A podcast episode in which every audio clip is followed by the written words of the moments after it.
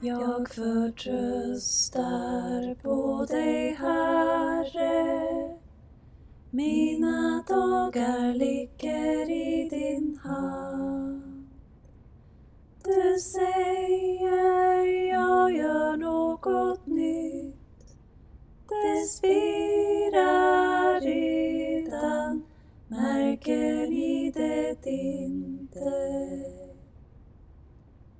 Kristus har besegrat döden. Hej och välkommen till podcasten Be med oss. Andakts och bönepodden som produceras av EFS och SALT i Västsverige. I dagens avsnitt medverkar Elin Lycklund Ljunggren från Allingsås samt Mikael Landgren, Einar Schelin och jag, Emma Boye. Vi inleder det här avsnittet i Faderns och Sonens och den helige Andes namn.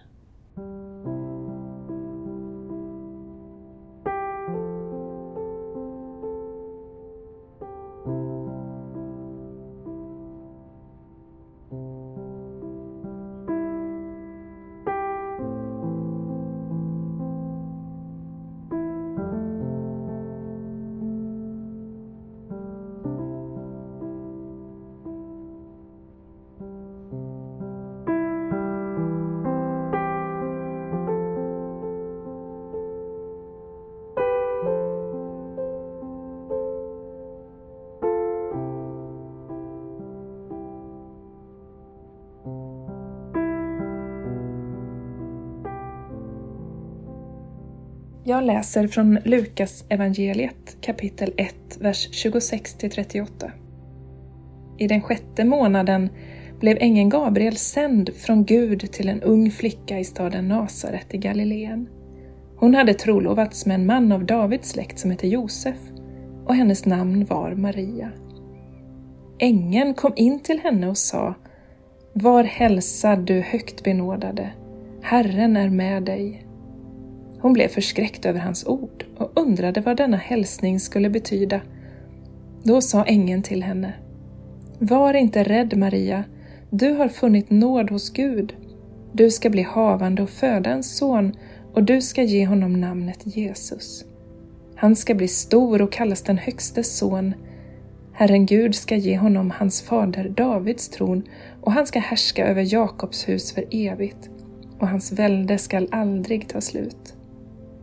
Maria sa till ängeln, Hur skall detta ske? Jag har ju aldrig haft någon man. Men ängeln svarade henne, Helig ande skall komma över dig och den Högstes kraft skall vila över dig. Därför skall barnet kallas heligt och Guds son. Elisabet, din släkting, väntar också en son nu på sin ålderdom. Hon som sades vara ofruktsam är nu i sjätte månaden ty ingenting är omöjligt för Gud. Maria sa, Jag är Herrens tjänarinna, må det ske med mig som du har sagt. Och ängeln lämnade henne.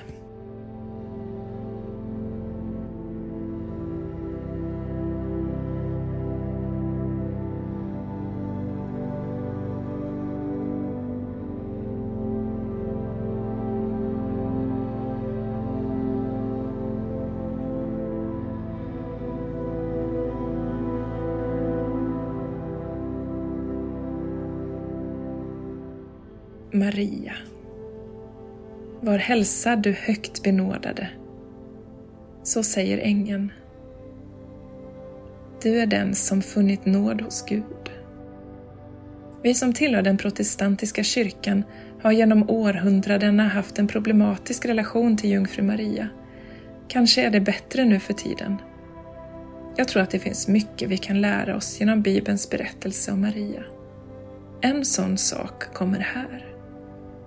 Maria var Guds moder, eller med ett annat uttryck, gudaföderskan. Det som på grekiska heter Theotokos. Uttrycket kan spåras redan till 200-talet men blev extra viktigt på 400-talet då det började användas som ett skydd mot villoläror om vem Jesus egentligen var. De kristna grupper som inte accepterade denna Marias titel, varav flera också förnekade treenigheten, kallar istället Maria för Christotokos, Kristusföderskan. Formuleringen gudaföderska var alltså riktad mot en villolära att Maria enbart fött Kristi mänskliga natur till världen och inte den gudomliga. Istället framhölls här att Kristus är oupplösligen Gud och människa. Begreppet handlar alltså om vem Jesus är och inte i första hand om vem Maria är. Att förneka att Maria är gudaföderskan, gudsmodern, det är egentligen att förneka att Jesus är Gud och människa. Hur en människa kan föda Gud är hisnande och överväldigande. Gud tar kropp i Maria. Ja, i Marias livmoder förenas Kristus två gestalter. Där blir han Gud och människa. Där gör Gud sig liten för att i allt kunna möta oss. I Maria finns själva gränsen mellan himmel och jord, men också upphävandet av denna gräns. Som Gregorius Palamas, en av den ortodoxa kyrkans stora teologer, uttryckte det på 1300-talet. Jungfrun ensamt väljs på gränsen mellan skapat och oskapat och de som känner Gud känner också i henne det oändligas boning. Det finns i ortodox och katolsk tro många tankar och läror om på vilket sätt Maria var högt benådad. Och om dem kan vi välja att tänka lite olika. Men att respektera våra trossyskon, att ha ett intresse för hur andra Jesu lärjungar tror, det tror jag är viktigt för kyrkans enhet. Och det tror jag välsignar oss och det tror jag är något som gör Jesus glad. Vi får inför denna söndag stanna till hos Maria, hos Jesus mamma och förundras över det som skedde med henne och i henne. Och vad betyder det egentligen när Maria säger i Lukas 1 och 48 Från denna dag skall alla släkten prisa mig salig.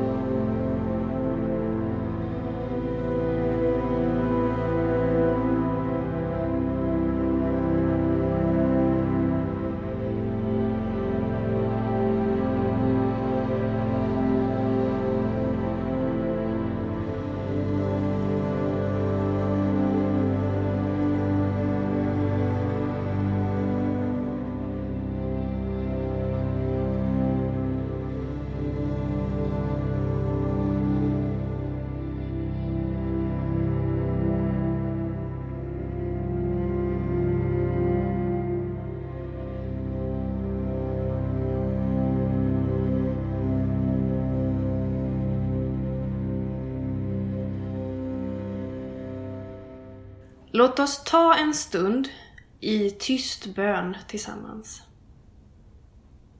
Vi ber för vår värld.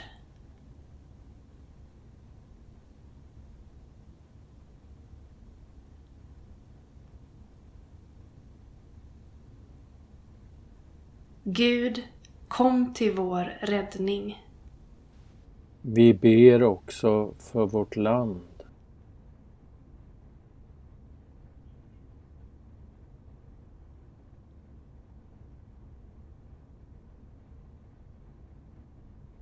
Herre, hör vår bön.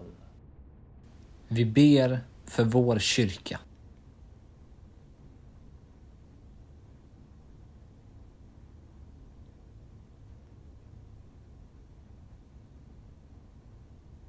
Herre, hör vår bön. Vi ber också för människor som lider nöd.